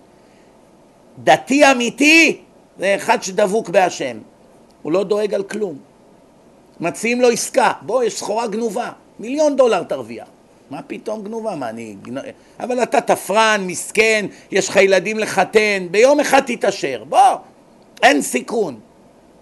יש כאלה ירוצו עם הכיפה והזקן, כי הם לא דתיים. הם הכל חוץ מדתיים. ויש כאלה, יגידו לך, תתבייש לך.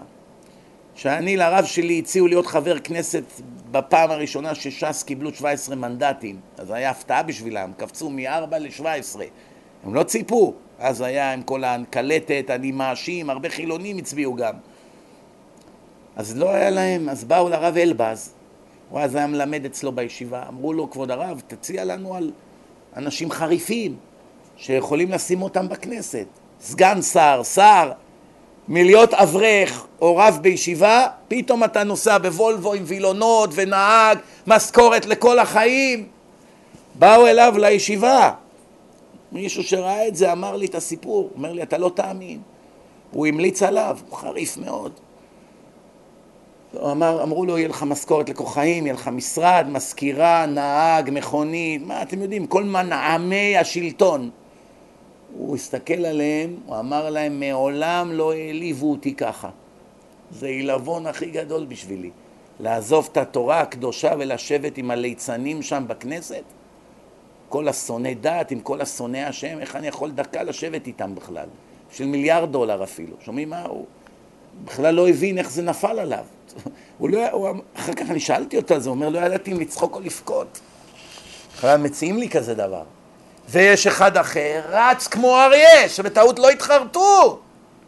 הבנתם? אה, יש שם ליצנות, אה, יש שם כפירה, אה, יש שם חוסר צניעות, מושב לצים, מספיק שאתה צריך להסתכל על התמונה של הטמא הזה שם כל יום על הקיר. יושבים שם 14 מחבלים, טרוריסטים, מגבים רצח וטרוריסטים, מגדפים את המדינה ואת ערכיה. כל יום לאכול את הדברים האלה במקום הישיבה הקדושה ולהתעלות בתורה. זאת אומרת, מה רואים מכאן? יש אמיתיים ויש כאלה לא נקרא להם מזויפים, אבל קשה להם לעמוד בניסיונות. זה כולנו בעצם. בואו, בוא, בוא, איך אומרים? בואו נשים את האמת על השולחן. קשה לעמוד בניסיונות. כל הטובות באות מן השמחה, ולעולם לא יהיה שמחה, לא תהיה שמחה אם אין ביטחון בהשם. תזכרו, כל עוד אין לך ביטחון ואין לך אמונה בהשם, לעולם לא תהיה שמח. שמחה אמיתית, לא אחד ששותה לחיים ועכשיו רוקד על השולחנות. זה סתם עוללות ודיכאון זה. והם ההיפוך מהדאגה. אין, זה האמת. ממש לפני שנסיים, הנביא אומר ככה, זה כתוב באיכה, ג', פסוק ל"ט: מה יתאונן אדם חי? גבר על חטאיו. קודם כל אתה חי, אז מה אתה מתלונן? אני סובל. נו מצוין, מה אתה רוצה? איסורים מכפרים את העוונות. את מי שהשם אוהב, אוהב, מייסרו, ככה כתוב. את אשר יאהב השם ייסרו. כאשר ייסר איש את בנו, כך השם אלוקיך מייסריך. מייסריך. אז רואים מכאן שחלק מהאיסורים זה חלק מהאהבה, כמו שאחד הוא קשוח עם הבן שלו כי הוא לא רוצה שידרדר לפשע. מה זה סימן? שהוא אוהב אותו או לא? איי, כל הילדים עכשיו מסתובבים ערומים בשכונה והוא לא. למה? כי אבא שלו אכפת לו ממנו, הוא אוהב אותו, אז הוא קצת קשוח איתו וגם מונע ממנו כל מיני תאוות. ונותן לו גם מכה כשצריך, כדי לעורר אותו. אז זה סימן שהוא אוהב או שונא אותו. הבנתם? הדמעות שבאות מהיגון ומהדאגה. כתוב איזה דאגה היא חוקית, היא מותרת על פי התורה, שימו לב. הדאגה הכי כשרה שיש, תהילים קי"ט פסוק קל"ו פלגמיים ירדו עיניי הלא שמרו תורתך. דוד המלך כותב כל יום מפלי הניאגרה זולגים מהעיניים שלי. למה? כי האנשים מסביבי לא שומרים תורה ומצוות. תארו לכם שדוד המלך היה חי היום. הוא היה ממלא את כל תל אביב בנהרות של דמעות. אם הוא רק היה רואה מה רואה שם במצעד התועבה וכל האנשים שמורדים בהשם, הוא לא היה מפסיק לבכות לנצח, לדקה. בזמנו כמה חילונים היה בתקופת דוד המלך? לא היה אחד. היו עושים עבירות, רשעים, אבל מוצהר חילוני, להסתובב ככה, להגיד אני חילוני, לא היה כזה דבר לפני שלושת אלפים שנה. כל היום הוא בכה על אחרים שלא שמרו תורה. כמה זה חשוב מי שיכול להציל יהודים בתשובה ולא עושה, אוי לו מיום הדין. אנשים טובעים בנהר ואתה עובר ולא קופץ להציל אותם? ואם יכולת לנדב את הסירה שלך, או את הכסף שלך, או לשלם למצילים שיבואו להציל, ולא עשית, נכשלת ברצח, מה? מה זה צחוק? אתם יודעים, אנחנו עכשיו התחלנו לחלק את החצי מיליון דיסקים בארץ, ברוך השם. סיימנו לפני כמה חודשים את החלוקה של המיליון, ועכשיו בשעה טובה, אחרי שהשטן נלחם בשיא הכוח, ברוך השם, השם עזר לנו, והדיסקים כבר בכל רחבי הארץ. וכבר יש תוצאות, ברוך השם. אנשים קיבלו דיסקים ומחלקים. כל מי שרוצה לחלק דיסקים, בבקשה להתקשר לצדיק שחר שמאי 054-842-0242 שם יש מחסן אחד ברמת בית שמש, משם אפשר לקחת דיסקים. עוד אפשר לקבל דיסקים אצל העוזר שלי אבישי 052 4 330 300 שם החצי השני של הדיסקים מאוחסנים בחולון. מי שקרוב לו חולון, יתקשר לאבישי. מי שקרוב לו רמת בית שמש וירושלים והאזורים האלה, יתקשר לשחר שמאי. לחלק דיסקים זה חשוב מאוד. לתמוך בדיסקים מצווה גדולה מאוד. כל אלה שתרמו, זכות ענקית. ומי שלא תרם, לפחות עכשיו תחלק. מה זה? לא תעמוד על דם ריך. אנשים הולכים לאבדון עולם, איך הרמב"ם אומר? לדיראון עולם.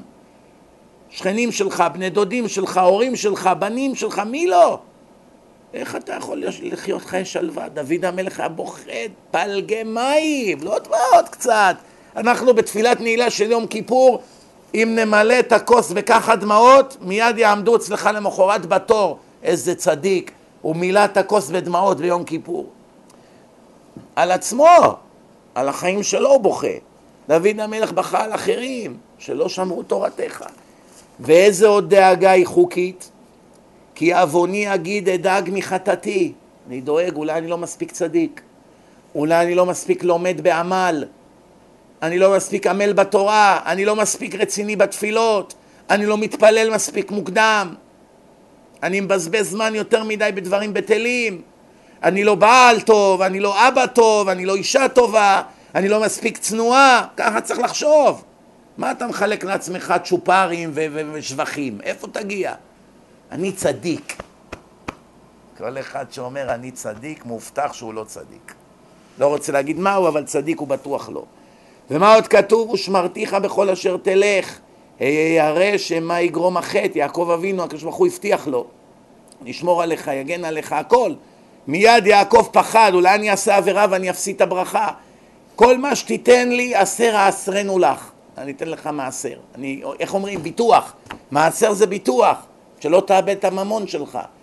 תן הרבה צדקה, צדקה תציל ממוות וכל שכן מהפסד ממון. ממוות היא מצילה, יש עליך גזר דין מוות, לא עלינו, מראש השנה. נתת איזה צ'ק שמן לאיזה ישיבה, או לדיסקים, או לאיזה עני אחד, וזה... ניצלת רגע ממוות, אתה חי עוד שלושים שנה בזכות זה. מה, זה צחוק? קל וחומר מלפשוט רגל או להפסיד כסף, כן? צדקה. לולא האמנתי לראות בטוב השם בארץ החיים, דוד המלך אומר, מה שמחזיק אותי זה שאני יודע שהשם מכין לי את הטוב לארץ החיים, לחיי הנצח. אף על פי שהיה יודע שהיה חסיד גמור, הוא ידע, דוד, הוא כותב בתהילים, כי חסיד אני. מצד שני, פחד, אולי אני אכשל ואני אפסיד את הכל ברגע. לעולם ידאג שמא אין עבודתו מקובלת לפני המקום ברוך הוא. אומרים לך צדיק, תרגיש נורא. אם אתה מרגיש טוב שאומרים לך איזה צדיק אתה, איזה קדוש אתה, איזה תלמיד חכם אתה, תרגיש נורא. קל וחומר אם מנשקים לך את היד, או עומדים בתור להצטלם איתך, או, לת, או, לת, או לבקש ממך ברכות. תגיד, מיד כשאתה הולך הביתה באותו לילה, תגיד לקדוש ברוך הוא, ריבונו של עולם, אני מבקש ממך סליחה, אני מתבייש שאלה מחזיקים ממני צדיק. אתה ואני יודעים שאני לא צדיק ולא בן צדיק, ואני רחוק מכאן ועד סוף הגלקסיות מהתואר הזה שנקרא צדיק. והלוואי שאני אהיה את המינימום של הצדיקות, הלוואי. איך כתב הסטייפלר? קיבלתי הלם שראיתי את זה. כותב בספר שלו, לא בינו לבין השם, הוא מבזה את עצמו בכל העולם. האנשים באים אליי, חושבים שאני תלמיד חכם, חושבים שאני צדיק. מה גדולה אכזבתם בראותם שאני לא תלמיד חכם ואפילו לא תלמיד מתחיל. ובוודאי ובוודאי צדיק לא זכיתי להיות. בערך זה המילים שלו. כותב את זה בספר שלו. והוא היה, אם הוא היה חי היום, היו משתחווים לו כל גדולי הדור. כל גדולי הדור. היה לו רוח הקודש. במלחמת, במלחמה עם המצרים, מלחמת יום כיפור, הביאו לו רשימה של 37 חיילים.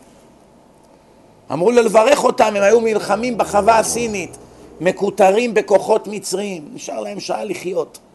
לא היה סיכוי לצאת מהתופת שם, הביאו לו רשימה. הוא התחיל לברך את החיילים, הגיע לשביעי, מחק אותו. עבר עוד כמה חיילים, התחיל לעשות קווים. מה זה כבוד הרב? זה כבר נפטר, זה כבר נפטר. הוא יושב בבני ברק, הוא יודע מה הולך שם, מרוב שהיה לו רוח הקודש. פעם אחת שאל אותו כבוד הרב, לעת זקנותו, כבר הגיע לגיל 90 ומשהו, נהיה לו משקפי ראייה. בדרך כלל אנחנו, האנשים הפשוטים, גיל 40 ומעלה, כבר אפשר, כבר אתה לא רואה טוב. אתה לא רואה טוב, קשה לראות. בגיל זקנה נהיה לו משקפי ראייה. הרב שטיינמן, שיהיה בריא, בן 105, בלי עין הרע, מיליון פעם בלי עין הרע, הוא קורא גמרא, אותיות כאלה קטנות, בלי משקפי ראייה. זה רק, זה נס גמור. לא יודע אם יש עוד אחד כזה בעולם. עבר את גיל 100 וקורא בלי משקפי ראייה? זה נס זה. העיניים עדיין עובדות אחרת. למה? מעולם הוא לא הסתכל בדבר לא צנוע. מספיק פעם אחת אתה מסתכל באיזה תמונה ברחוב, הלך עליך.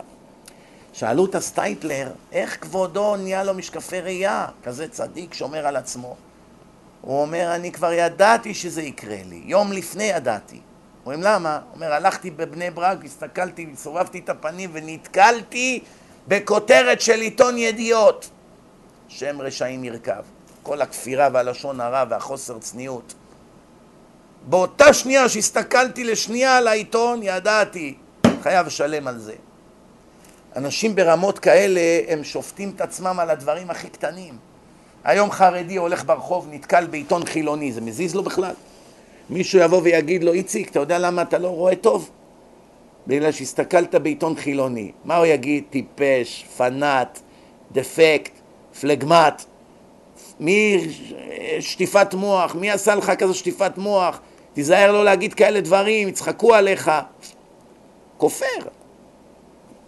ההוא אמר לו את האמת, והוא לא מסוגל לקבל את האמת, עושה ממנו צחוק. כמה פעמים שחטו אותי וצחקו עליי על זה שאני אמרתי דברים פשוטים שכתובים בגמרא, מידה כנגד מידה. דיברתי על גלגולים, זה כל הארי הקדוש, שער הגלגולים, לא הבאתי מעצמי. אפילו הסברתי מה זה על האוטיסטים, שחטו אותי. שמתי סרטון בדף פייסבוק שלי של ילד אוטיסט שמספר שבגלגול שעבר הוא דיבר לשון הרע ועל זה הקדוש ברוך הוא גלגל אותו כאוטיסט. והוא לא יכול לרמות, אוטיסט. עם היד שלו על המחשב, מוסרט. אנשים ראו, בודדים עשו תשובה. אפשר לספור על יד מקסימום שניים כמה ביקשו ממני מחילה מתוך האלפים ששחטו אותי. זהו, מניין לא היה. מחילה, עכשיו שראיתי את הסרטון, אמרו לי כמה, וואו, מסתבר שצדקת, עכשיו שראיתי את הסרטון, אי אפשר לביים כזה דבר. אנשים חוזרים ככה בגלל עבירות של עיניים ולשון ואוזניים מהגלגול שעבר. כואב להם הלב לשמוע את האמת, כואב להם. הבנתם? ממש ממש, מחילה שאני קצת מעריך, ממש אני רק רוצה לסיים את זה. לעולם ידאג אדם שמא עוונותיו גורמים, אל תהיה בשאננות. בחיים אל תחשוב איך, איך השם אמר למשה רב לך. השם אמר למשה רב לך, בסדר, ומשה עדיין התחנן. תן לי לעלות לארץ, לעשות מצוות. איך אני אמות עכשיו, עוד לא קיימתי מצוות שתלויות בארץ. משה התחנן להיות עבד השם בארץ הקודש, לגלגל אותי כפרה, שיאכלו אותי, שישחטו אותי, שיאכלו אותי בשולחן שבת, ציפור, משהו ליום, תן לי לדרוך על אדמת ארץ ישראל. עד שהשם אמר לו רב לך, אנחנו השם לא אמר לנו לא רב לך ולא כלום לך. מה אתה שאנן? חזרתי בתשובה. אוי לבושה, אוי לכלימה, זה תשובה. כל היום בטלוויזיה, כל היום באינטרנט, כל היום בטלפונים הטמאים, כל היום במושב לצים. חזרתי בתשובה. מה, החלפת את הג'ינס לחליפה? חזרת בתשובה? מה? מצאנו שאליהו הנביא לא דיבר עם יהושע רבי יהושע בן לוי בגלל שאריה אכל יהודי במרחק שלושה פרסאות ממנו, בעיירה שלו. זה אתה השם, גדול הדור. בגללך יהודי מת בשכונה שלך. מה אני אשם? אני לומד. אני שומר מצוות. לא התפללת על היהודים. לא כאב לך שהם הידרדרו בדת. לא כאב לך מספיק. איך הרב עובדיה בכה, מיליון יהודים לא יודעים להגיד, מיליון ילדים בישראל לא יודעים להגיד קריאת שמע, היה בוכה דמעות. לא יודעים להגיד קריאת שמע, כאב לו כאב מוות. אבל יש כאלה, לא כואב להם. לא רוצים איתם מגע, עזוב אותם, לא מעניין אותי מהם. איך, איך, איך לא מעניין אותך? זה ילדים של השם, הם אבודים מסכנים. תראה איך גידלו אותם, מה הכילו אותם, תראה איזה כפירה דחפו להם מגיל אפס, ילדות בגיל עשר מלבישות אותם, מלבישים אותם עירומות ברחובות, הולכים מציירים להם קשקושים על הגוף, עושים להם קעקועים, שמים להם עגילים במקומות לא צנועים, מלמדים אותם את תרבות הזנות והשקר, הכל שם כוחי ועוצם ידי, הכל תרבות השקר, הכל תחמונים, הכל חפיף שנאה לדת, אפיקורסיות, ליצנות, מושב לצים, ספורט, תרבות יוון, מה לא? איך אתה, המסכנים האלה אתה רוצה שלא ישנאו את הדת? אחרי עשרים שנה שאכלו מהרעל הזה יום יום. אבל אנחנו יכולים להציל חלק מהם, לא את כולם, אבל חלק. הוא לא דיבר איתו. שלוש שנים היה רעב בידי דוד, הוא עשה ועדת חקירה יום יום לראות בגלל מי הרעב, בסוף הוא אמר בשלי. אני אשם. יונה, באונייה, האונייה מטלטלת, ישר הוא אמר אני אשם. הוא יכל להערים על הגויים. מה אני, מה אתה מתנדב להגיד שאתה? אני אשם, בשלי הייתה הרעה. שומעים? זה אם הוא חכם, אם הוא חכם, אם אתה עכשיו אחד שיודע תורה ומלמד תורה ואתה נבזה בעיני העולם, כל הרשעים נלחמים בך, מגדפים אותך, קוראים לך שמות, ישמח בזה. אך ידאג שמתוך זה שהוא מבוזה, אולי בזכות זה, אולי בגלל זה, לא בזכות, בגלל זה אנשים לא ישמעו לי ולא יחזרו בתשובה, על זה כואב לי. לא זה שמביישים אותי וקוראים לי בשמות וקוראים לי, ממציאים עליי עלילות, זה לא מפריע לי. מה שכואב לי זה שיש כאלה שעכשיו לא ישמעו את הדיס בגלל זה, או שלא ישמעו את השיעור בגלל זה, זה כואב לי, אבל השאר, ש... ש... שידרכו עליי ברחוב, מה אכפת לי? כל עוד אנשים יחזרו בתשובה, מה זה משנה? אדרבה, זה משלש את השכר הבא שלך, בעולם הבא שלך. שעה אחת בצער יפה כמאה שלא בצער. אדם שעושה מצוות תוך כדי כאב ושמחה, זה פי אלף מאדם שעושה תחת עול. אוף, עוד פעם, אוף, עוד פעם תפילה, אוף, עוד פעם תפילין, אוף, עוד פעם ברכת המזון. זה לא אותו דבר. ומתאנח על כבודו של הקדוש ברוך הוא. לכן ידאג ויבכה על התורה שנשתכחה וייאנח על יראי השם אשר נמאסו בעיני העם. כשאתה רואה שמבזים רבנים צדיקים, אתה צריך, דמעות צריכות לרדת לך. אתה רואה שיש כל מיני מודרנים מקולקלים שמסלפים את הדעת ואומרים דברים נוראים בשם הדעת. ולא רק זה, מחלישים את הדרשנים האמיתיים ולא רוצים להזמין אותם ועושים להם סנקציות וצרות. איך לא תבכה על זה? תורה נשתכחה מעם ישראל עד כדי כך. יהי רצון בעזרת השם שאנחנו נזכה להיות זוכים ומזכים. וכדי לזכות אחרים צריך קודם כל שנזכה את עצמנו. אם אנחנו נתעלה לרמה המתאימה. איך אומרים? כוס שממלאים אותה, עכשיו שהיא מלאה יש מספיק להישפך בשביל אחרים. אבל אם היא בעצמה חסרה, קשה לך להשפיע על אחרים. תמלא קודם כל את הכוס שלך אחרי זה תשפיע על אחרים. יש הרבה רצים מהר להחזיר את כל העולם בתשובה, את ההורים, זה, שכנים. אתה לא מוכן, אתה לא מנוסה, אתה לא יודע, אתה יכול לעשות טעויות, ישאלו אותך שאלות, תתבזה. תן למומחים לעשות את העבודה. אני תמיד אומר, רבותיי, להיות תלמיד חכם זה מקצוע אחד. להיות דיין בבית דין זה מקצוע אחר. להיות מחזיר בתשובה זה מקצוע אחר לגמרי. אתה יכול להיות גדול הדור ואתה לא יודע להחזיר בתשובה. אתה יכול להיות חכם ממוצע ביותר, שום דבר לא מיוחד בך, אתה לא מיוחד לא בגמרא ולא בהלכה ולא בכמעט כלום, לא מדרשים, לא כלום. אבל יש לך סייעתא דשמיא, לתפוס אפיקורס, לתפוס שונא דת, לדבר איתו שעה, שעתיים ולהפוך אותו למתעניין בדת. זה מקצוע בפני עצמו, ואני אומר לכם ממה שאני רואה, בודדים היום בעולם יודעים לעשות את זה, בודדים. יש אלפים שיודעים ללמד גמרא, ואפילו טוב. יש אלפים שיודעים ללמד הלכות. זה לא חסר, יש בכל מקום, בכל עיר, ברוך השם.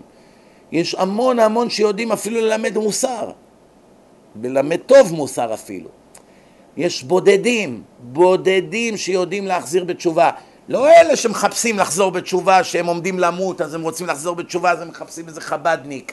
שיניח להם תפילין ושיזמין אותם לשבת. לא, זה, זה כל אחד יכול להחזיר אחד כזה. אני מדבר אלה שמתנגדים, שגידלו אותם על כפירה ושנאה לדת, לדבר איתם שעה ולשכנע אותם עוד חודש לא להתחתן עם הגויה, או לשכנע אותו לסגור את החנות בשבת, או כל מיני דברים שמאוד מאוד קשה לעשות. זה אין הרבה שיודעים. ואלה שכן יודעים, כל האחרים חייבים לתמוך בהם, לדחוף אותם, לתת להם את כל הכוחות. למה? זה, איך אומרים, הקומנדו. צריכים כל הצבא לתמוך בהם, המודיעין, הפקידים, הנהגים, כולם. למה? כי אם הם לא יצליחו להביא חדשים, במיוחד עכשיו שכל כך הרבה ילדים מתקלקלים ונופלים וסמים ומה לא, לא יהיה המשך לעם ישראל, לא תהיה תקומה לעם ישראל. אם לא ימשיכו לייצר בעלי תשובה בכמויות גדולות, חס וחלילה, חס ושלום, תוך שתי דורות לא יישאר כלום. כל כך הרבה ילדים נופלים, אינטרנט, טלפונים, מגפת סמים, מעל מאה ילדים מתו כאן מהרואין, רק השנה, ממשפחות דתיות. על חילוניות וגויים לא יודעים, כי זה הכל בבתי חולים, אני מדבר איתכם בקהילות. מעל 100 ילדים, ילדים בני 18, 17, 16, 20, 21, 23, בכמויות, כל שני, יומיים, שלושה, מישהו חדש מת. מחלקה שלמה יש בבית קברות במונסי. כל כמה ימים עוד קבר נוסף, עוד, עוד. ילדים ממשפחות חרדיות, בנים של רבנים, בנים של עסקנים גדולים, בנות, בנים של גבירים, אנשים, לא יאומן מה שקורה פה, אנשים שגדלו בארמונות, מרוב הריקנות, בגלל האינטרנט הארור, בגלל שהם לא השתלבו בישיבה טוב. הישיבות היום הן בצורה כזאת שאם אחד הוא לא מתאים למערכת והוא לא למדן, הוא לא כישרוני, הוא לא נהנה לו גשמק בלימוד, מכאן הדרך לרחוב היא קצרה מאוד. לצערנו הרב חבל, אני ממש בוכה על זה, ממש. שבעולם החרדי יש, לעניות דעתי, ליקוי אחד חמור מאוד. או שאתה למדן, או שאתה כלום. אין באמצע. בארץ ראיתי כמה פרופילים של בחורות שרוצות להשתדך. אמרתי לה, יש בחור בעל תשובה, הוא לומד ארבע שעות ביום ובשאר הזמן הוא עובד, רואה חשבון, לא יודע, עבודה מכובדת. לא, לא, בשום פנים ואופן לא עובד, רק לומד. אבל הוא, הוא גאון, הוא חריף. אפילו על רב אחד, שכבר יודע כמעט את כל הגמרא בעל פה, בגלל שהוא עובד בעסק של אבא שלו, לא רצתה אותו איזה אחת. גאון, פרוש, חסיד, לא רוצה אותו. למה? הוא עובד כמה שעות למחייתו. אבל הוא עשר שעות לפחות לומד כל יום. אבל הוא גם עובד, כדי לא לחיות מצדקות של אחרים. במקום ללכת לנשק לו את הרגליים, לא רוצה לשמוע עליו. מי שעובד כביכול פושטק. נורא ואיום. פה זה לא כל כך, אבל גם פה יש ככה. מה, הוא עובד? לא, לא, לא, לא מעוניינים בשידוך. מה אתה מסתכל עליי ככה מופתע, מה? אתה לא יודע שזה ככה? לא רוצים לשמוע עליו בשידוכים. מי כן נשמע עליו? אחת שהיא בעצמה עובדת, או שהיא מודרנית, שהיא רוצה אחד מהאוניברסיטה. אבל כבר איזה בחורה זאת, אחת שרוצה אחד מהאוניברסיטה, מה זה אומר עליה? איך אומרים, זה חרב, איך, זה, באנגלית זה נקרא catch 22. אוי לי מיצרי, אוי לי מיוצרי. ברוך אדוני לעולם, אמן ואמן.